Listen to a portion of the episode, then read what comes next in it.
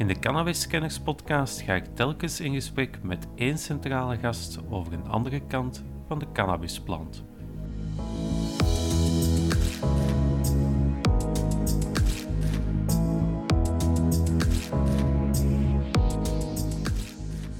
In het algemeen kun je zeggen dat roesmiddelen een integraal onderdeel zijn van het uh, dieet van menselijke samenleving. Het succes van de Nederland in de illegale drugshandel is eigenlijk een, een subfenomeen van uh, Nederlands succes in, uh, in handel in het algemeen.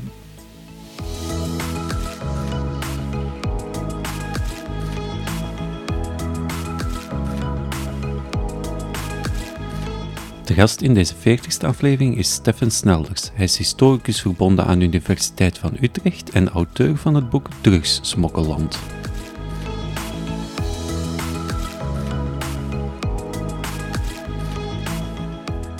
politiek, de media. Overal horen we dissonante stemmen over het gebruik van cannabis. Tijd om de plant onder een ander licht te houden. Welkom bij Cannabiskenners. Goedemorgen, Stefan Snelders. Uh, bedankt in geval dat je tijd wil vrijmaken voor, voor het interview. Misschien kan je starten met jezelf even uh, kort voor te stellen. Uh, ik ben een Nederlandse historicus. Um, ik ben gespecialiseerd ooit in sociale en economische geschiedenis. Maar heb me daarna bezig gehouden met het fenomeen van psychedelische middelen. Um, ik heb een proefschrift geschreven over LSD en de geschiedenis ervan, met name in relatie tot de psychiatrie in Nederland. Mm -hmm. En daarna ben ik um, verder wezen werken in, uh, aan verschillende medische faculteiten. En sinds een paar jaar aan de faculteit Beta Wetenschappen van de Universiteit Utrecht. En een van uh, mijn onderwerp is uh, allerlei aspecten van drugs, zowel medische en therapeutische toepassingen. Um, als met name de laatste jaren hoe um, drugsmarkten eigenlijk opereren. En vandaar dat ik onlangs een project heb afgerond rond de geschiedenis van uh, de drugsmarkt in Nederland en de rol van de zogenaamde georganiseerde misdaad daarin. Um, daar is ook een po populaire versie van verschenen in het Nederlands onder de titel Drugssmokkeland. Oké, okay, goed. En um, ja, het onderwerp blijft ons bezighouden. Ik zit nu bijvoorbeeld in een project in de haven van Rotterdam om uh, cocaïnesmokkel te bestuderen. Misschien kunnen we het uh, vooral historisch benaderen. Hè? Uh, je hoort heel vaak van uh, roesmiddelen is van alle tijden. Um, mm -hmm. Is zo een, een, een standaard uitspraak. Is dat effectief zo? Vanaf wanneer hebben we eigenlijk bronnen die aangeven van oké, okay, toen werden er al roesmiddelen gebruikt? Ja, dat gaat, gaat terug tot, tot de verre oudheid. Um, als je alleen al denkt aan cannabis... Um, er is nu uh, is een paar jaar geleden research geweest dat uh, de oude vikingen er iets mee deden. Um, we weten natuurlijk van de, van de Germanen, de Romeinen. In het algemeen kun je wel zeggen dat roesmiddelen een integraal onderdeel zijn van het uh, dieet van menselijke samenleving. Mm -hmm. En die een bepaalde um, ja, psychoactieve ingrediënten toevoegen. het enige probleem uh, met deze uh, formulering is natuurlijk wat verstaan we nou eigenlijk onder roesmiddelen. Ja, het is nogal een raam begrip, hè? Ja, en bovendien is dat een, een, uh, een vrij modern begrip. op een gegeven moment zijn we al die verschillende aspecten van zo'n middel uit elkaar gaan halen. Dus bijvoorbeeld de roes, die dan vaak met recreatief gebruik in verband werd gebracht het religieuze gebruik, maar goed, dat is ook een soort roes. Uh, het medisch gebruik.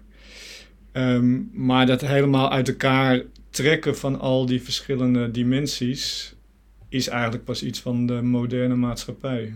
Dat is een vrij recent fenomeen. Dus, dus laten we zeggen, de, de, de Grieken of de Vikingen maakten die opsplitsing niet tussen recreatief, medisch en, en, en uh, religieus. Nou ja, ze kunnen dat ook niet, want ze hebben niet een categorie roesmiddelen. Ze hebben verschillende middelen die verschillende dingen doen. Ehm, en wij hebben daar dus de categorie roesmiddelen van gemaakt. En bijvoorbeeld, ehm, een mooi voorbeeld vind ik bijvoorbeeld uh, koffie. Mhm. Is dus eigenlijk ook een soort roesmiddel. Ja. Maar hebben wij eruit getrokken. Terwijl een, uh, een, bijvoorbeeld een middel dat in, in Somalië, Ethiopië, die contraien veel wordt gebruikt, kat. Wat in werking niet zoveel verschilt van koffie uh, alweer ehm, in ieder geval Nederland onder de opiumwet staat. Ja. En als roesmiddel wordt gezien. Dus er is een hoge mate van, ik zou zeggen willekeur, maar het is niet helemaal willekeurig. Want die, al die middelen hebben op een gegeven moment een bepaalde associatie meegekregen. Uh, dus koffie is onze associatie um, nou, daar komen we goed de werkdag mee door. Dat past helemaal, is helemaal geïntegreerd in onze maatschappij sinds uh, de 17e eeuw. Um, en andere middelen zijn uh, veel meer omstreden, hebben veel meer negatieve associaties. Vaak heeft dat ook te maken met de koloniale achtergronden, dat het veel gebruikt werd door uh, onderworpen bevolkingen die niet altijd deden wat wij wilden. Um, dus dat zijn allemaal redelijk moderne fenomenen eigenlijk. Ja, omdat u het zelf het voorbeeld van koffie aanhaalt. Ja, koffie is natuurlijk van oorsprong ook geen westers product. Het is ook via de kolonisatie tot bij ons geraakt. Waarom is dat product dan wel geïntegreerd geraakt? En, en hoe is dat dan gegaan? Nou, kolonisatie. Kijk, het fenomeen kolonisatie zoals wij dat nu kennen, bijvoorbeeld in de Belgische Congo of in Nederlands uh, Indonesië, waarin uh, Europese staten echt gebieden gaan controleren. Ja, daar kun je eigenlijk pas spreken van uh, sinds de 18e en 19e eeuw. Dus daarvoor heb je meer een soort handelskolonialisme. Uh, koffie komt uit Arabische landen, die waren niet gekoloniseerd door het Westen. Um, maar die dreven wel via de VOC en andere handelscompagnieën een handel met het uh, Westen. Mm -hmm. Dus er was geen associatie nog met een um, onderworpen volk van andere huidskleur en andere cultuur. Het waren eerder gelijkwaardige handelspartners. Ja, je kunt ja. zelfs beweer, uh, beweren dat, uh, dat wij destijds nog de ongelijkwaardige handelspartner waren. Maar goed, dat is een hele andere discussie ja. natuurlijk. Ja. En, en hoe is dan koffie bijvoorbeeld, hè, laten we dat dan even als voorbeeld nemen, hoe is dat dan in, in, in het Westen omarmd? Of was daar ook eerst een, een soort van um, weigerachtige houding tegen, een, een angstige houding van een vreemd product? Ja, al deze middelen als koffie en thee, die ja. waren eerst... Uh, ja, omstreden is misschien een groot woord, maar het was nog niet helemaal duidelijk waar ze voor dienden. Uh, het was wel duidelijk misschien dat ze ook uh, dat ze wel medisch uh, voordelen hadden, maar misschien ook als je het um, ongematigd innam, medische na nadelen konden hebben. Dus je ziet aan de ene kant een, een offensief van eigenlijk door de VOC betaalde artsen als Bontekoe die koffie en thee als het ware um, aanprijzen. Maar belangrijker is ook dat um, um, het ontstaan van de, ik zou zeggen de coffeeshop, maar in uh, de eerste coffeeshops in de 17e eeuw in bijvoorbeeld Amsterdam, dat zijn winkels waar je onder meer koffie kan kopen en drinken. En dat is dan eerst nog exotisch, maar dat gaat dan uh, op een gegeven moment steeds meer een uh, algemene verbreiding krijgen tot het in de 19e eeuw helemaal is afgedaald tot uh, zeg maar de volkskoffiehuizen die we nog steeds een beetje kennen. Mm -hmm. um, een, een ander product is, is tabak bijvoorbeeld. Heeft ja. dat een gelijkaardige weg bewandeld als het gaat over het integreren in de maatschappij zoals koffie? Ja, uh, zeker. Um, tabak werd in het begin uh, is eigenlijk verspreid geraakt door uh, zeelieden aan het eind van de uh, 16e eeuw, begin 17e eeuw. dus de eerste Europeanen die tabak rookten waren zeelieden van Columbus. Mm en in het begin heeft tabak nog heel erg de associatie van een soort deviant product. Met name omdat zeelieden staan aan de onderkant van de samenleving. En dan vinden er verschillende processen plaats waarin uh, tabak steeds meer geïntegreerd raakt in de samenleving. Bijvoorbeeld, het gaat langzamerhand normaal worden dat tabak in uh, publieke gelegenheden wordt gerookt. Um, de hogere elite vindt tabak ook wel interessant, omdat het allemaal weer die exotische associaties heeft met um, bijvoorbeeld de Indianen.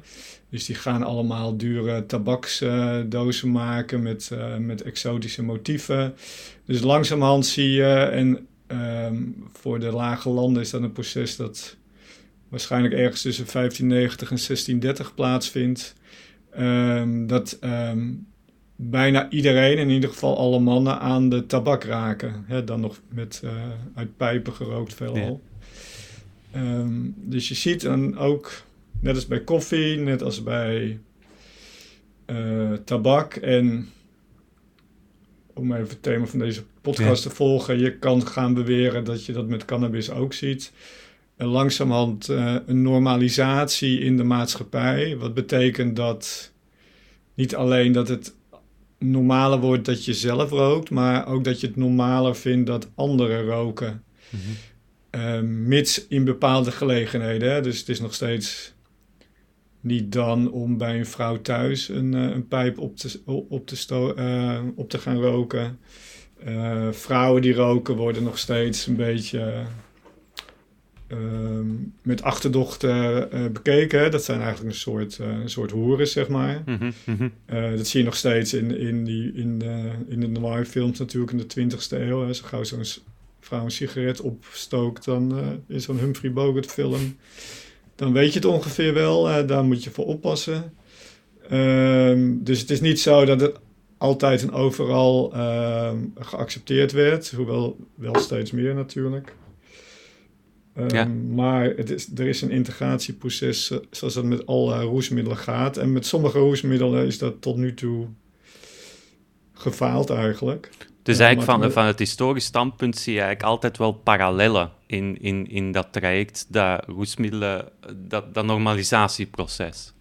Nou, je ziet patronen. Ja. En, en die patronen hebben natuurlijk overeenkomsten en verschillen. Dus het is niet zo dat je als historicus zegt oh, maar dat was toen ook zo, niks nieuws onder de zon. Mm maar je ziet bepaalde patronen die wij ook kunnen gebruiken om um, onze huidige, zeg maar, omgang met, um, met drugs ook te kunnen begrijpen. Ja, ja. Wat, wat zijn dan vanuit historisch standpunt zo de scharniermomenten geweest in, in, in heel het, het drugsbeleid? Wat zijn zo, want wat wordt toch heel vaak verwezen naar hè, het begin, ja, het begin uh, eh, 20e eeuw, hè, de opkomst van het, het, het verbod eigenlijk op, op roesmiddelen. Is dat een belangrijk scharniermoment en zijn er zo nog andere aan te duiden? Um, nou, het eerste scharnierpunt is denk ik hebben we genoemd. Dat is uh, um, volgend op de zogenaamde ontdekkingen van Columbus hoe je dat ook wil benoemen, um, gaan, uh, wordt de wereld eigenlijk kleiner. Steeds meer producten gaan de wereld over. Ja.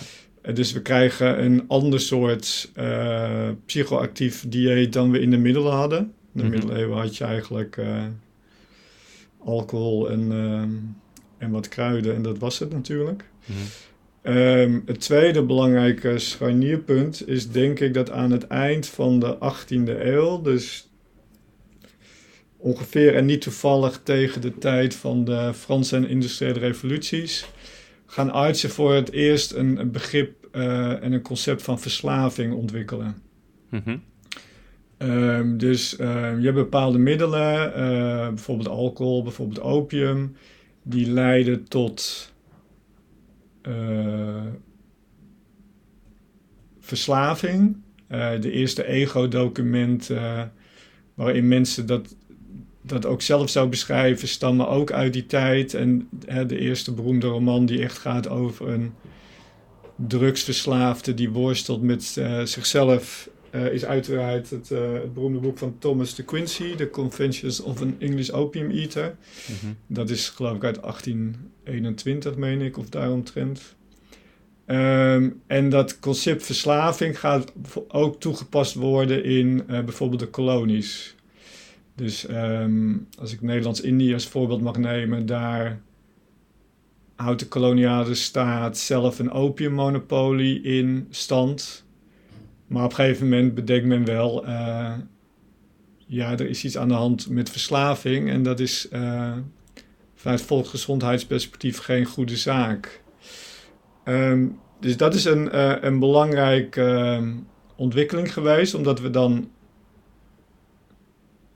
anders gaan kijken naar bepaalde middelen. Bijvoorbeeld opium is een mooi voorbeeld. Opiumpillen kan jij in de 18e eeuw in de lage landen gewoon bij elke apotheek halen. Die worden op grote schaal gebruikt als pijnstillers. Mhm. En voor andere doeleinden. En er is ook niemand die daar problemen mee schijnt te hebben. maar in de loop van de 19e eeuw, volgend op die ontwikkeling van verslavingsconcepten. En mede omdat ehm, de kolonisatie betekende dat we meer controle kregen over de onderworpen volkeren. En die bleken allemaal roesmiddelen te gebruiken die wij, waar we een beetje met wantrouwen naar gingen kijken. Um, de eerste verhalen ook over mensen in de kolonies, koloniale officieren, witte mensen die dan opium of cannabis gaan roken en, uh, zoals we nu zouden zeggen, outdroppen of um, uh, going native. Dus uh, ze willen geen kolonisator meer zijn, maar ze gaan zich kleden als, als, de, als de inheemse en um, um, doen niet meer mee aan het koloniale project. Mm -hmm. Dus al die, en dan een andere belangrijk scharnierpunt is um, de migratiearbeid in de 19e eeuw. Chinese arbeidsmigranten, Indiase arbeidsmigranten, Indonesische arbeidsmigranten gaan eigenlijk de hele wereld over en die nemen hun eigen roesmiddelen mee. Bijvoorbeeld de Chinezen die uh, voor de Nederlandse scheepvaartindustrie komen werken, nemen hun opium mee. Uh, die in koloniaal Suriname gaan werken, nemen hun eigen ganja, dat is cannabis, uh, en ook opium mee. En uh, die mensen zijn duidelijk anders, die hebben een andere cultuur. En bovendien uh, lijkt het erop dat bijvoorbeeld in Suriname, ehm, als ze veel roken, werken ze minder hard. Dus dat zijn een aantal uh, ontwikkelingen die dan samenkomen in uh, waar u het over had. Uh, de opkomst van de internationale drugsregulatie. de eerste aanzetten vind je eind 19e eeuw. En het beroemde aanzetpunt is dan natuurlijk het, ehm, de bijeenkomst in Shanghai in 1909. Die dan uiteindelijk leidt tot uh, internationale verdragen om bepaalde roesmiddelen aan banden te leggen. Mm -hmm. En uh, nog een ander scharnierpunt, wat denk ik heel belangrijk is, wat vaak over het hoofd wordt gezien, is de overwinning van Amerika in de Eerste Wereldoorlog. Omdat dat de Want, macht duidelijk maakt van de VS, eigenlijk. Ja, omdat ja. landen als Duitsland uh, hadden helemaal geen behoefte aan de internationale drugsregulering. Nederland ook niet, bijvoorbeeld. Mm -hmm. want die hadden zelf uh, ook een levendige um, farmaceutische industrie... die juist die producten produceerde die Amerika aan banden gelegd wilde zien. Mm -hmm. um, dus, de, dus je ziet... Um, deelname aan de Volkenbond wordt deel van het verdrag van Versailles... en uh, als je lid wilde zijn van de Volkenbond, moet je ook meewerken aan een nieuwe soort comité rond um, wat dan in die tijd heette narcotic drugs, verdovende middelen. Ja. Dus tegen die tijd, dat is een, in een proces van, ik zou zeggen, uh, ruim gezien anderhalve eeuw, is er dus iets heel bijzonders gebeurd. Namelijk overheden gaan roesmiddelen, de handel, de productie, het gebruik aan banden leggen, maar niet zoals in vroege tijden uit uh, fiscale overwegingen, maar ehm, uit volksgezondheidsoverwegingen. Dat was eigenlijk de, de shift die gebeurd is. Men is niet meer naar dat fiscale gaan kijken, maar meer naar de volksgezondheid. En, en ook een stukje misschien als tegenreactie van die groepen die hun drugs eigenlijk verspreiden over de wereld, die dat overal meenemen. Nou, kijk, de, het valt natuurlijk samen met het ontstaan van de nationale staat. Ja. Dat is, dat is eigenlijk een 19e-eeuws verschijnsel. En voor het eerst gaat de staat zich dus heel erg bemoeien. Niet alleen met je uh, middelengebruik, maar met opvoeding. Uh, dienstplicht wordt ingevoerd. Ehm, je hebt uh, gedisciplineerde arbeidersklassen nodig in de, in de nieuwe fabrieken. dus eigenlijk wil jij niet dat iedereen de helft van de dag in een roes verkeert. Ja, oké. En, en van daaruit dus die aspecten. Maar ik kan me voorstellen dat het concept van een, een, een middel verbieden, is dat iets nieuw dat ontstaat eind 19e eeuw? Of hebben dat eerder, bestond dat ook al eerder in de geschiedenis? Zijn er ook al overheden of, of, of ja, staatsvormen die bepaalde middelen verboden in het verleden? Nou, niet op deze wijze. niet op deze schaal waarschijnlijk. Nou ja, er bestonden ook geen staten. Ja. Dus in onze zin. Uh, ja. Dus een, een land als de Republiek der Verenigde Nederlanden of uh, de lage landen onder de aartshertogen, de zuidelijke lage landen, dat zijn geen staten in onze zin des woords. Mm -hmm. Mm -hmm. Um, en bovendien is de scheiding tussen uh, de verschillende lagen in die samenleving zo absoluut dat uh, als er een maatregel worden genomen, bijvoorbeeld bij de gin craze in, in, in Londen in uh, het midden van de 18e eeuw, dan is het omdat die mensen overlast geven. Dus dan probeer je wel uh, maatregelen te nemen. Um, dat in ieder geval in de districten waar de rijken rondlopen er minder gin wordt verkocht. Maar er wordt geen ginverbod in onze zin des woords uitgevaardigd. Ah, oké. Het, was, het was meer dan beperkt qua omvang, de, als er dan al verboden waren.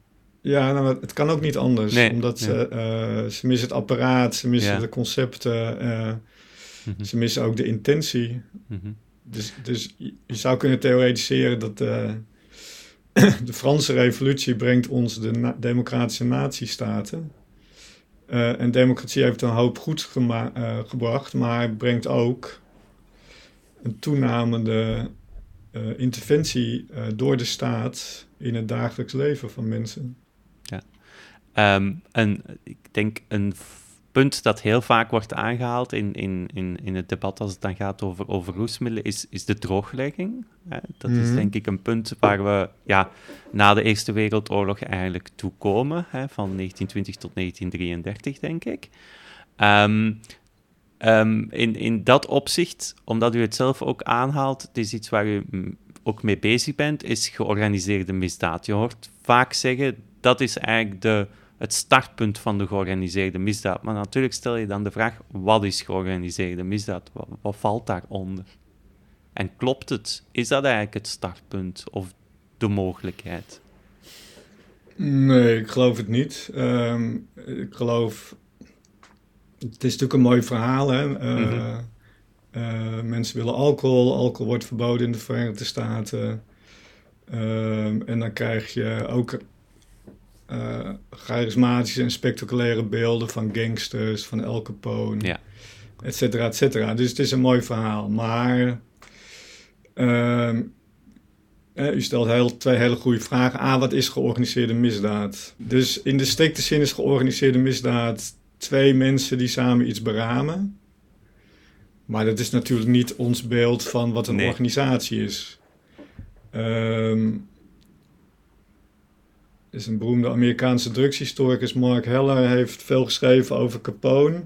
En die zegt, ja, die organisatie van Capone bestaat uit vier mensen. Al Capone, zijn broer en twee vrienden. En daarnaast hebben ze heel veel contacten, uh, met illegale brouwerijen, met bordelen, et cetera, et cetera. Uh, en ook indien nodig kunnen ze een aantal uh, gunfighters uh, oproepen. Mm Maar als we het woord georganiseerde criminaliteit gebruiken, moeten we vooral weg van het idee dat dat een organisatie is in de zin van Shell of Unilever of zelfs maar de politie. Mm -hmm. er wordt heel vaak uh, gezegd: uh, internationaal drugsmokkel is een multinational. Ja, dat schept eigenlijk een totaal verkeerd beeld. Het zijn, het zijn een soort netwerken die met elkaar verbonden worden en die importeurs, exporteurs, uh, producenten, consumenten, retail dealers met elkaar verbindt. En indien nodig uh, ook een aantal mensen bevat die, omdat je niet naar de rechter kan stappen, uh, op andere wijze uh, zakelijke conflicten uit kunnen vechten. Mm-hmm. Namelijk door geweld. Uh, dat zijn dus hele flexibele netwerken waarin sommige waar culturele affiniteiten een, een belangrijke rol spelen. mensen die uit dezelfde gebied komen, die kennen elkaar misschien ook. zeker als Italianen of Chinezen zijn uit bepaalde Ehm, meer culturele verbanden. Ehm, en die kunnen dus makkelijk samenwerken, maar je ziet ook al die verschillende culturele netwerken kunnen heel makkelijk allianties met elkaar sluiten. Dus als we nou teruggaan naar die drooglegging, dan is A. Eh, de drooglegging begint niet in 1920. Uh, eh, verschillende Amerikaanse staten zijn al in de 19e eeuw drooggelegd. Mm en niet alleen voor alcohol trouwens, maar ook voor opium. Uh, Amerika had blijkbaar uh, de gehele onthoudersbeweging, die in alle landen heel sterk was, was in Amerika om verschillende redenen ehm, extra sterk en bovendien ook extra agressief. Um, er werden rustig ook uh, al in de 19e eeuw kroegen en saloons opgeblazen door geheel onthouders. Um, je ziet ook dat um, al het Amerikaanse leger in de oorlog um, veel minder alcohol consumeert dan koffie. Er gaan enorme hoeveelheden koffie met het Amerikaanse leger in 1917 en 1918 mee naar Europa. De droogleg van 1920 is daarom ook natuurlijk wel een nieuw punt. Maar dat beseften mensen in het begin ook helemaal niet, want niemand reageerde. Maar op een gegeven moment wil iedereen natuurlijk wel zijn biertje of zijn whiskietje. En dan, um, zoals bij alle illegale drugsmarkten, heb je natuurlijk een bepaald soort mensen dat uh, met name uh, in staat is dat voor je te regelen. Dat zijn mensen die toch al in staat zijn om illegale dingen voor je te regelen. En die georganiseerde criminaliteit bestond al en die richtte zich met name op bijvoorbeeld gokken en prostitutie, bordelen. En dat zijn nou net ook de plekken waar je uh, natuurlijk ook wel illegale alcohol wil schenken. Mhm. Dus die alcohol kwam bij uh, de al bestaande structuren. Dat is gewoon een extra markt, waarvoor dat ze eigenlijk de faciliteiten al hadden en die ze er gewoon konden bijnemen een extra markt inderdaad, maar wel een hele belangrijke natuurlijk, omdat het een enorme groeimarkt was. En in die zin kun je wel het pendant leggen met uh, onze eigen illegale drugsmarkten sinds de jaren 70. Je ziet dat, uh,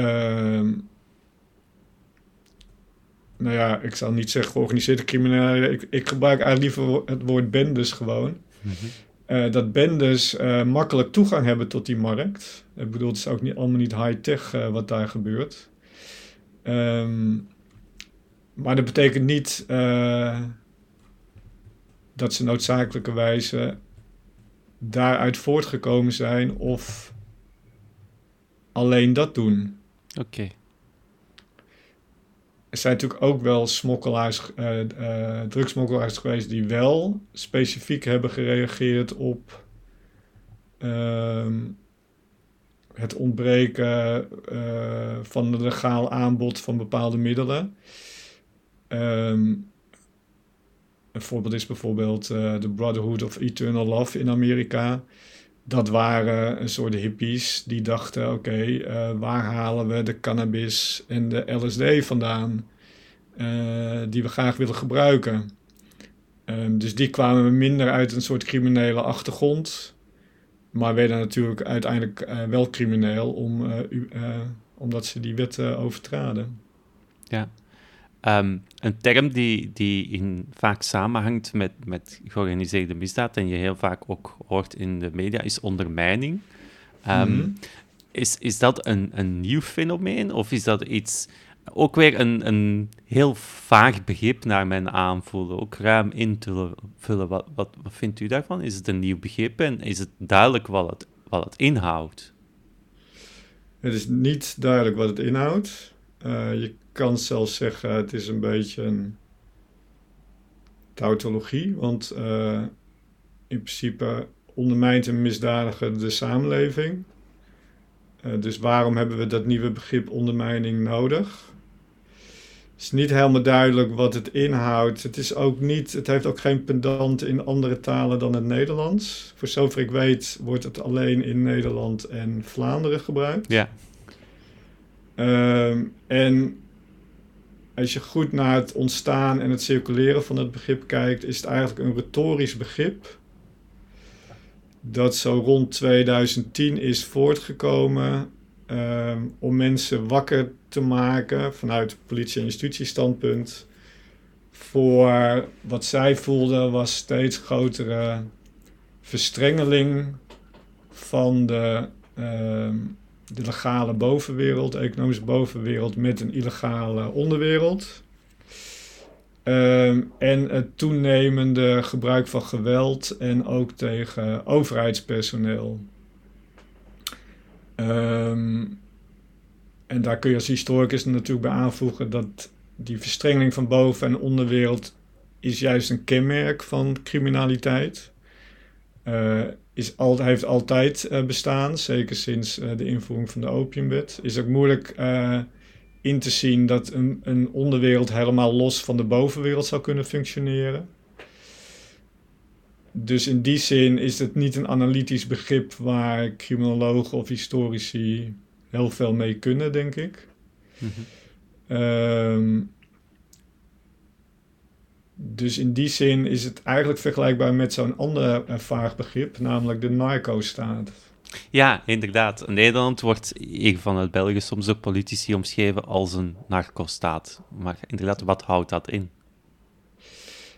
Ja, dat is dus uh, uh, ook totaal onduidelijk. Um, een, een uh, gerenommeerde Franse onderzoeker, Pierre Jouvy, heeft er laatst een interessant artikel over geschreven. En dan probeert hij het achterhalen, wat bedoelen we nou met die narco-staat? Uh, nou, stel dat de staat een, een, een, een staat is waarin de overheid um, een illegale drugsproductie en handel in stand houdt en daar ook een belangrijk dat het ook belangrijk is voor het functioneren van de economie van zo'n land. Uh, maar goed, dan moet hij concluderen dat er in de hele wereld geen enkele narco-staat bestaat. Zelfs een land als Noord-Korea, wat zelfs zijn eigen illegale drugsproductie heeft. Maar dat is eigenlijk niet belangrijk genoeg om um, de term narco-staat te rechtvaardigen. Noord-Korea verdient meer met de illegale export van wapens. Dus je zou ze beter een wapenstaat kunnen noemen. Uh, je zou kunnen zeggen, een narco-staat is een staat waarin georganiseerde criminaliteit uh, het overheidsapparaat heeft geïnfiltreerd. Ik denk dat dat is wat de meeste mensen met de term bedoelen. Ja, maar goed, op welk, dat is ook van alle tijden. Hè. Denk maar aan uh, protectie door de, de klassieke Cosa Nostra, de klassieke uh, maffia in Italië. Uh, denk maar aan onze eigen botensmokkel tussen Nederland en België, waarvan we weten dat daar bijvoorbeeld ook notabelen in verschillende dorpen ook niet vies waren om te investeren in een, in een botensmokkeloperatie. Hmm. Ben je dan een narco-staat? Um, Dus waar, dan is opeens, denk ik, alles een narco-staat. Maar dan hebben we uh, überhaupt niks meer aan het begrip, want we zijn het altijd al geweest. Um, dus in die zin uh, denk ik dat ook de term narco-staat is een retorisch fenomeen. Het is een middel dat politici, politie, justitie gebruiken om, journalisten ook, om ons allemaal bang te maken. En uh, in de huidige discussie is, is het uh, des te opmerkelijker dat zowel de uh, tegenstanders van elke vorm van legalisering van bijvoorbeeld MDMA of cocaïne uh, en de voorstanders van, van meer legalisering, mhm. dat die allebei roepen van maar we worden een narco-staat, dus we moeten iets doen. Um, maar goed, ik denk dat dat dat is helemaal niet het geval. Ik bedoel, we kunnen niet ontkennen dat er problemen zijn natuurlijk. En uh, dat bepaalde bendes, uh, ook bijvoorbeeld advocaten en journalisten targeten, dat is wel een nieuw fenomeen. maar is nog steeds niet ehm, typisch voor de drugscriminaliteit in Europa. Ja, U, schreef inderdaad, u heeft recent een boek geschreven over, over Nederland als smokkelland hè, in de, voorbije eeuw. Wat, wat maakt Nederland dan zo ideaal om het te omschrijven als een smokkelland? Is dat de ligging? Is dat de handelsgeest? Is, zijn er andere redenen waarom het wordt gezien als een smokkelland? Um, ja, u noemt al twee belangrijke redenen. Dat is eerst die, uh, die ligging. Uh, zo aan het uh, tipje van Noordwest-Europa. Dus het is heel duidelijk een soort verbindingspunt. Is natuurlijk ook altijd al geweest sinds, ehm, ehm, sinds de 16e, 17e eeuw. Uh, dat wordt nog ehm, bevestigd door eh, de logistieke structuur. Dus een, uh, een haven van Rotterdam, uh, de waterwegen, de spoorwegen, de autowegen waarmee je in no time diep in het Duitse achterland of nog verder kan komen. Dus dat is allemaal bevorderlijk voor handel in het algemeen. Um, handelsgeest is ook een, belangrijke. Uh, Nederlanders zijn natuurlijk een handelsvolk, zijn er ook trots op, zijn een zeevarend volk. En maar willen ook gewoon geld verdienen. Dus dat betekent dat je die handel zo optimaal mogelijk moet faciliteren. Um, dus alles wat bijvoorbeeld het inklaringsproces in de haven van Rotterdam vertraagt, heeft economische consequenties. Dus dat willen we natuurlijk uiteindelijk liever niet. Um, dus dat combineert dan met um, het bestaan van, wat niet een typisch Nederlands fenomeen is, van um, criminele subculturen die eigenlijk hetzelfde kunnen doen als de legale handelaars, liften eigenlijk mee op die ontwikkeling van die haven. Dus je zou zeggen, uh, als een kenmerk is van de internationale handel uh, in de laatste decennia uh, dat de globalisering heeft plaatsgevonden, dan heeft er tegelijkertijd een soort, wat wij dan noemen, deviante globalisering plaatsgevonden. Waarin criminelen zijn mee gaan liften op de bestaande handelsstromen. Daarbij moeten we ook bij zeggen, ja, Nederland, maar bijvoorbeeld uh, Nederland en België zijn daarin heel erg verbonden. Dus de haven van Rotterdam kun je bijvoorbeeld niet, zeker tegenwoordig, uh, niet meer loszien van de haven van Antwerpen. Nee. Dus ja, het zijn, het zijn traditioneel concurrenten, maar ze zijn ook op allerlei mogelijke manieren met elkaar verbonden. Um, veel van de synthetische drugsindustrie de illegale in het zuiden van ons land is natuurlijk ook verbonden met, met België. Uh, dus Nederland drugsmokkeland is in die zin zegt wel heel iets over het unieke van Nederland, maar je ziet soortgelijke patronen denk ik wel in meer landen. Um, maar ik denk, uh, als je het als historicus breed bekijkt, uh, het succes van de Nederland in de illegale drugshandel is eigenlijk een, een subfenomeen van uh, Nederlands succes in, in handel in het algemeen. Die veel groter is dan de omvang van het land rechtvaardigt. Oké. Ehm, u, u hebt die smokkel bestudeerd voor, voor de periode uh, van de 20e eeuw, ruim genomen. Zijn daar evoluties in merkbaar? Um, zijn daar trends die in, in de loop van die eeuw geëvolueerd zijn? Veranderingen? Um, de belangrijkste verandering is, hebben, uh, heeft volgens mij. En dat is niet iedereen met me eens, maar ik zou willen weer belangrijkste veranderingen op de drukmarkten uh, hebben plaatsgevonden aan de, op de, aan de vraagkant, niet aan de aanbodkant. Dus je ziet al uh, de manier waarop de illegale drugshandel is geconstrueerd, uh, hoe mensen opereren, zowel in iets meer georganiseerde verbanden zoals de Chinese genootschappen als de wat lossere netwerken van uh, wat ik maar de, de zware jongens zal noemen. Ja. Um, die patronen zie je eigenlijk al meteen uh, na de invoering van de opiumwet in 1920. Wat er wel verandert is, um, sinds de jaren 60, is dat de vraag naar middelen explosief gaat groeien. En, nog steeds uh, groeit. Hoe komt dat? Ja, omdat we, uh, omdat we rijker zijn geworden en meer vrije tijd hebben. Oké. Okay. Uh, want je ziet het fenomeen ook op andere terreinen. Hè? Bijvoorbeeld, we zijn ook meer alcohol gaan drinken. Um, dus die vraag, die neemt opeens toe. Ook sa samenhang met allerlei culturele verschijnselen... als opkomst, opkomst van de hippiecultuur bijvoorbeeld. Ja. Um, maar goed, die, daar zou je ook nog kunnen beweren dat dat dat dat op zich ook al een, een uiting is van onze toegenomen welvaart en vrije tijd. Uh, want wie kon zich nou veroorloven voor de Tweede Wereldoorlog om, om als hippie te leven? Ja. Um,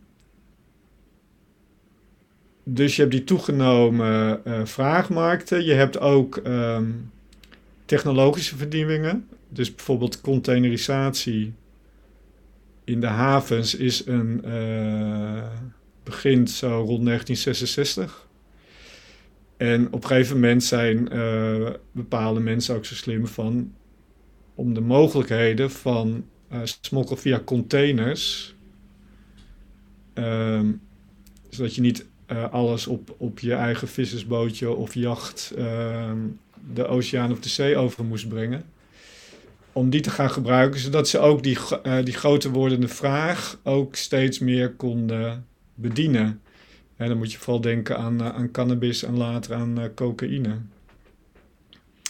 Um, dus dat zijn wel veranderingen geweest. En wat, wat ook het, het de toon en de, en de atmosfeer van de criminaliteit nu verandert, is dat um, als, als in de jaren zeventig um, de onderwerelden van steden als Amsterdam, Rotterdam, ik neem aan ook Antwerpen, zich bezig gaan houden met drugshandel, is dat nog een tijd waarin um, mensen in volkswijken uh, wonen vaak veel verbanden hebben met elkaar.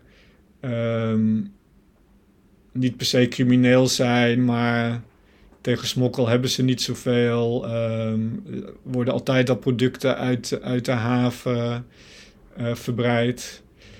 Uh, maar in de jaren 80 en 90 worden natuurlijk die volkswijken, die sociale structuren, um, ook langzamerhand kapot gemaakt. Uh, en we zien dus nu een situatie waarin de.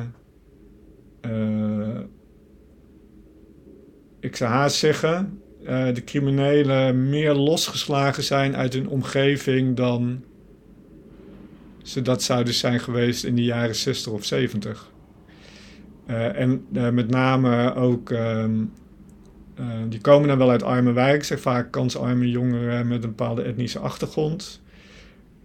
Maar er is ook geen sociale structuur meer waarin de ergste excessen worden tegengehouden. Vandaar al die klagen van, ja, vroeger hadden mensen nog, hadden crimineel nog een moraal, maar dat lijkt nu ook mm -hmm. helemaal verdwenen. Mm -hmm. Dus uh, ik zou zeggen, de structuur van hoe die drugshandel zich organiseert, verandert niet heel veel. En dat is natuurlijk ook te verklaren uit het feit dat, uh, dat dit een redelijk ideale structuur is om uh, staatsingrijpen te ontwijken. Ja, over die structuur gesproken. Vroeger sprak men meer over een, een piramidestructuur, hè, met, met één leider bovenaan. En terwijl dat er nu vaker wordt gesproken over meer uh, ja, horizontaal georiënteerde structuren. Klopt dat? Is, is dat dan wel gewijzigd, hoe dat die opgebouwd zijn, die criminele netwerken, of niet? Nee, dat is altijd al zo geweest. Maar ons hele idee van. Uh, ja, dat is een klassiek idee. Er staat er van boven eentje in een piramide. Ja, dat is zo het. Ja, dat is het klassieke idee. Dat hebben we allemaal ook uh, meegekregen in romans, ja. in uh, films, nog steeds. Um, je, ziet, je ziet eerst verschijnselen in de 19e eeuw, hè, als bepaalde schrijvers de criminaliteit gaan omschrijven. En dan, dan komen ze met. In Sherlock Holmes heb je bijvoorbeeld uh, professor Moriarty, die dan de Londense onderwereld zou beheersen. En, maar daar zijn geen uh, real-life pendanten van. Um, het is natuurlijk. Eigenlijk denk ik dat wij leven zo in een hiërarchische instituties. Bijvoorbeeld, ik werk aan de universiteit en daar staan, dat is een piramidestructuur. Uh, er wordt een hoge mate, wat je wel en niet kan, wordt een hoge mate beperkt door iemand die één, twee of drie uh, stappen boven je staat. Ja. Uh, en dat is voor ons zo normaal dat we denken, zo zal iedereen wel functioneren. Um, maar er is ook een, een georganiseerde misdaad heeft veel meer een soort anarchistisch organisatiemodel. En je zou haast kunnen beweren dat het een van de weinige plekken in de geschiedenis is waar het anarchisme uh, uiteindelijk uh, heel goed heeft blijken te werken. Ah, Oké. Um, en, en omdat u dat daar straks zelf aangaf, vanaf de jaren 60 is vooral de, de vraagzijde toegenomen. is iets waar, waar je nu ook uh, vaak over hoort van oké, we moeten daarop werken, op die vraagzijde, we moeten die vraag terugdringen. Is dat voor u iets, iets dat u als haalbaar acht, of is dat iets dat onomkeerbaar is? Net omdat ja, we die extra vrije tijd hebben, bijvoorbeeld. Ja, maar ook om heel veel andere redenen is dat totaal onhaalbaar. Welke reden dus, volgens u? Uh, omdat dat, uh, daar komen we terug waar we uh, mee begonnen, omdat die normalisatieprocessen die we bij koffie, thee, et cetera hebben mm -hmm. gehad, um, al lang en breed aan de gang zijn. Dus um, bij cannabis misschien het meeste. Um, de laatste cijfers voor Nederland, denk ik. Ik weet niet hoe het voor, voor België ligt, maar Nederland heeft een kwart van de bevolking wel eens een joint gerookt. Mm -hmm. en 10% het afgelopen jaar. Uh, en niemand, echt, ik ken geen enkele Nederlander die het raar vindt. Maar goed, ik, ik leef in mijn eigen bubbel. maar dat is eigenlijk een redelijk normale zaak dat iemand natuurlijk niet op elke, elke plek of dergelijke, maar dat iemand cannabis gebruikt. En niemand ziet dat als iets. Mm -hmm. ja, zijn mensen die uh, er wel blijkbaar tegen zijn. En die komen dan ook met die campagnes van... We moeten de, het is allemaal gevaarlijk en we moeten de, ja. juist inderdaad de vraagzijde aanpakken. Um, maar dat is, dat is al nooit gelukt. Dat lukte al niet toen zeg maar ehm, mensen van de kaart waren omdat er um, werd geschat dat er 200.000 Nederlanders rookten. Dat was de schatting uh, begin jaren 70. Dat werd dus enorm gezien. Um, nou ja, dat loopt nu eerder naar de 2 miljoen dan naar de 200.000.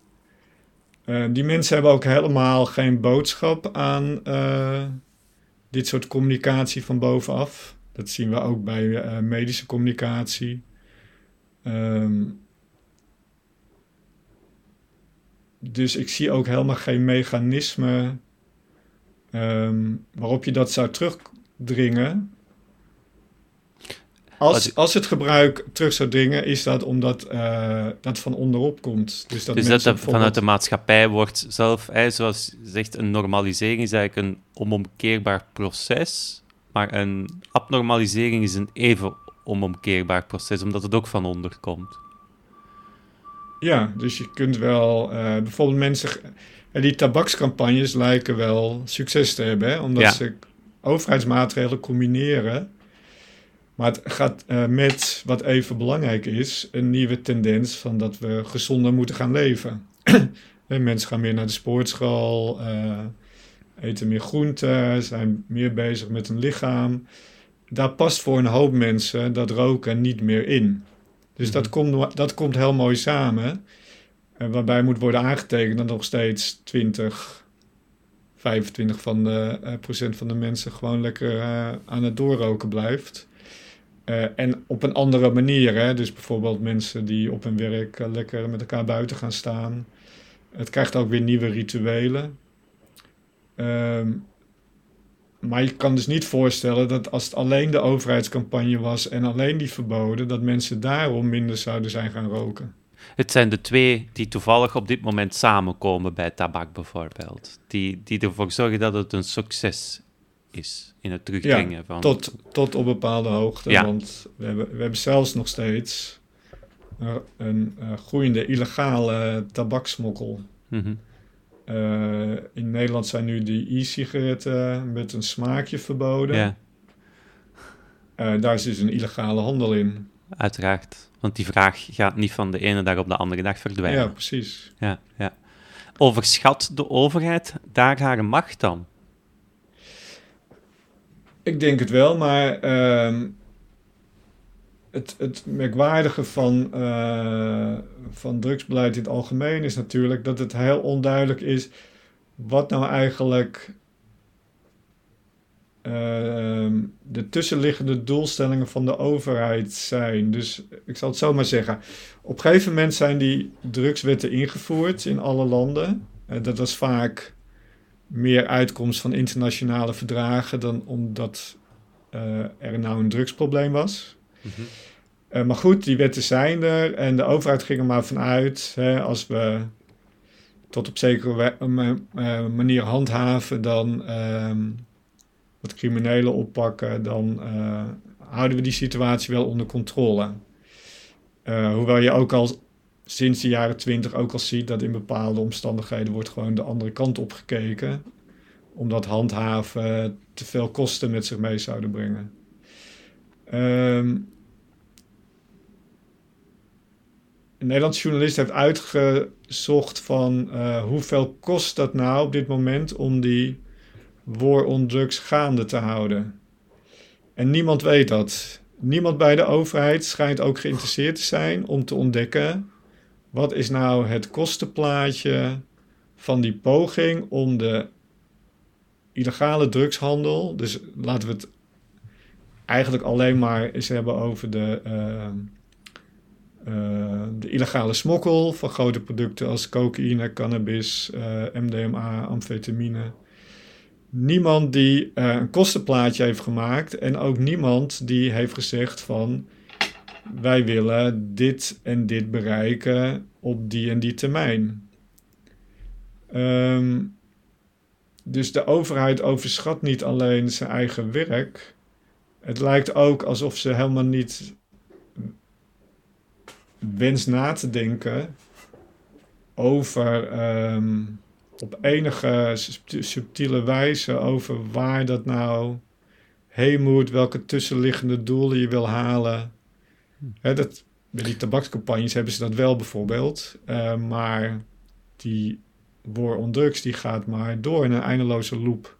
Ja, dus waar men eigenlijk enkel mee bezig is, is, is het werk en niet met het doel en de resultaten en de kostprijs. Dat zijn drie irrelevante uh, aspecten voor, voor de overheid op dit moment. Theoretisch wel, omdat het natuurlijk een heel erg ideologisch gedreven oorlog is. Ehm, maar in de praktijk blijkt uh, natuurlijk de kosten het grootste probleem te zijn. Ja, dat die niet in kaars kunnen worden gebracht, is toch wel vreemd. Dat niemand daar een cijfer op kan plakken. Uh, nou ja, dat is niet vreemd, omdat het in, in, uh, in bijvoorbeeld uh, verantwoordingen van uitgaven onder heel veel verschillende... Ja, posten valt. En, posten valt, ja. ja. Ja. Dus uh, het gaat niet, ja, on drugs één ding, maar goed. Ja. Uh, Wie is er allemaal mee bezig, hè? Dat is. Ja. Um, plus natuurlijk dat die um, samenwerking tussen de betrokken overheidsinstanties ook niet altijd optimaal is. Mm -hmm. Mm -hmm. um, ja, u bent historicus. Kan u van het historisch perspectief een blik werpen op de toekomst? Of wat denkt u dat er um, eventueel vanuit historisch standpunt de toekomst zou brengen. Gaat die normalisering door? Gaat er een tegenbeweging? Wat denkt u zelf? Um, nou, wat je nu ziet, denk ik, is, is uh, zoals met zoveel maatschappelijk omstreden onderwerpen, is polarisatie. Ja. Dus er is nu inderdaad best wel een. Het, een groep mensen die zich ook steeds meer uitspreekt dat we het anders moeten doen. Mm -hmm. uh, hè, ook burgemeesters en dergelijke. Die waren in het verleden natuurlijk ook wel uh, hapsnap, maar het schijnt nu iets meer body te krijgen. Ja. Um, aan de andere kant zie je dat um, um, rechtse politici krijgen steeds meer stemmen. En een van de redenen waarom ze steeds meer stemmen krijgen is om te roepen van uh, we gaan harder optreden. Uh, en die hebben helemaal geen boodschap aan die discussies. Dus je ziet, uh, daar is een polarisatie gaande. Ehm, daar en tegen denk ik, als we historisch bekijken, dat over de laatste eeuw er een soort mismatch was tussen overheidsbeleid en wat de consumenten wilden. Mm -hmm. uh, denk ik dat de, het normalisatieproces uh, gewoon doorgaat. Uh, dat zie je ook met de beschikbaarheid van de middelen. Um, ja, op het moment dat, dat elke student van mij, en een hoop doen dat ook gewoon via Telegram of iets dergelijks, een cocaïne bestellen. Op dat moment is het natuurlijk. Um, ja, dan zit die normalisatie al ver dan is de normalisatie ver en zie ik ook niet meer in hoe je dat tegen zou moeten houden. Mm -hmm. um, maar ik denk dat er nog wel 10, 20, 30 jaar van, uh, van maatschappelijke strijd uh, overheen gaat voordat je bedenkt, of voor de mensen ook accepteren dat je, je kan middelen ook net zoals alcohol of tabak, ook reguleren. Je, dan, dan zijn ze ook niet voor iedereen vrij toegankelijk. Nee. dus dat hoeft niet via de uh, opiumwet. Alleen dan moet je dus wel de stap nemen uh, dat je productie toestaat. En ook daar zie je de eerste uh, tekenen al van. Hè? Bijvoorbeeld bij, bij de de coffeeshop experimenten. Ja, de wietproef, ja. ja. Ja, het is allemaal heel mondjesmaat. Mm -hmm. Dus ik zou zeggen, uh, dat duurt nog dat 30 jaar. Maar als ik het een grote verband zou zijn, denk ik ook dat. Um, um, kijk, klimaatbeleid mislukt nu. Dat betekent dat, we, dat dat een steeds grotere kostenpost wordt voor de hele samenleving. Dat over 10, 20 jaar uh, dat eigenlijk is. En uh, ehm, het oplossen van problemen die politici hebben veroorzaakt, omdat ze daar niet op in wilden gaan, dat dat zo belangrijk is geworden dat uh, um, in combinatie met dat normalisatieproces en dat dat drugsgebeuren uh, gebeuren eigenlijk maar van ondergeschikte betekenis wordt. Maar goed, nu ben ik wel heel erg aan het spreken. Ja, ja, dat begrijp ik. Uh, nog één laatste vraag, omdat u het zelf ook aanhaalde, hè, de opiumwet, hè, die verboden. Bestond er bijvoorbeeld al wetgeving voor de opiumwet over alcohol bijvoorbeeld? Bestonden er al regels voor alcohol of zijn die later gekomen, na de opiumwet? Nee, de eerste uh, drankwet, zoals dat heet in Nederland, is van, ik meen, 1886. En dat is voornamelijk uh, tegen openbare dronkenschap. Oké, okay, het is echt richting de overlast dan vooral, niet zozeer uh, als bestrijding van... Ja, en ook... ja, en dan zijn er wel bepaalde regels ingevoerd over en, maar dat is natuurlijk van alles. Hè. De gemeentelijke overheden reguleren natuurlijk de, de kroegen en een overlast. Ja. ja. Maar dit, dit was wel een, een nieuwe wet waardoor ook uh, duizenden mensen in uh, wat dan heette rijkswerkinrichtingen terechtkwamen om daar gedwongen arbeid te moeten verrichten. Uh, die waren dus in openbaar dronken. Maar goed, het gaat natuurlijk ook allemaal over mensen aan de armere kanten van de samenleving. Ja. Dus er is geen rijkaard door de drankwet in een uh, rijkswerkinrichting terechtgekomen. Mm -hmm. Dus eigenlijk had men al dus- ervaring met reguleren voor, voor de opiumwet, als ik het goed begrijp. Met het reguleren van middelen. Nee, want alcohol op zich was niet verboden. Mm -hmm. um, kijk, wat de opiumwet doet is... Uh, en ik denk dat men dat vaak niet realiseerde, is proberen die productie niet uh, te reguleren in de zin dat het onder sommige omstandigheden wel of niet kan, maar gewoon de productie voor alles behalve medisch en wetenschappelijk gebruik gewoon helemaal stil te leggen. Ja. En dat is natuurlijk het punt ook waarop uh, voor andere mensen weer geld valt te verdienen. Ja. Um, dus, en dat is het nieuwe, want je had bijvoorbeeld ook al uh, uh, wetten op geneesmiddelen. Hè? Hoe, hoeveel geneesmiddelen mogen door grote handelaren worden verkocht en dergelijke. Maar dat je echt uh, denkt van, we maken een einde aan de productie. Mm -hmm. ja, dat is nieuw en dat is ook mm. waarom het... Um, die illegale markt is groeien. En dat is ook nu nog steeds het grote probleem. Mm Dus ja, we gaan cocaïne legaliseren, maar wie mogen het dan produceren? Ja, ja u sprak inderdaad over, over medicijnen, dat daar inderdaad regels waren rond de productie. Waren die er, want u sprak over openbare dronkenschap, waren die regels er toen al voor alcohol? Was er toen al, hè, begin 20e eeuw, regels rond wie mag alcohol produceren, hoeveel uh, en op welke manier mag het verspreid worden? Of was dat volledig open toen, destijds? Uh, ik denk dat er fiscale regels waren. En, uh, dus je moet in ieder geval accijnsen betalen. Ja. Um, en uh, ook regels tot bepaalde hoogte op de. Ehm, dat het wel nog een redelijk gezond product was. Dus bijvoorbeeld wat ze in Amerika dan moonshine ja. noemen.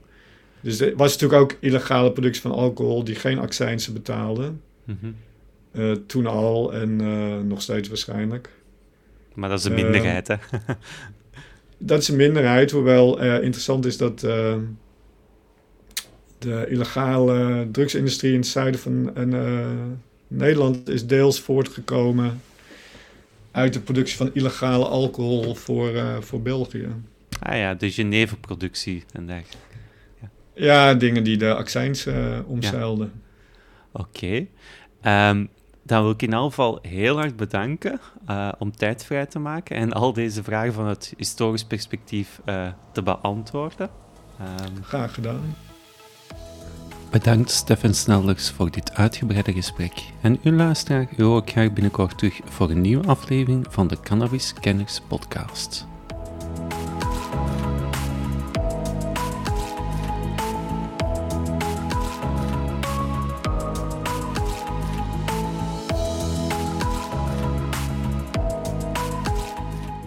Meer podcasts? Ga naar www.cannabiscanners.be of voeg Cannabiscanners toe in je favoriete podcast-app. Heb je een vraag of wil je graag iets delen? Mail dan naar info.cannabiscanners.be.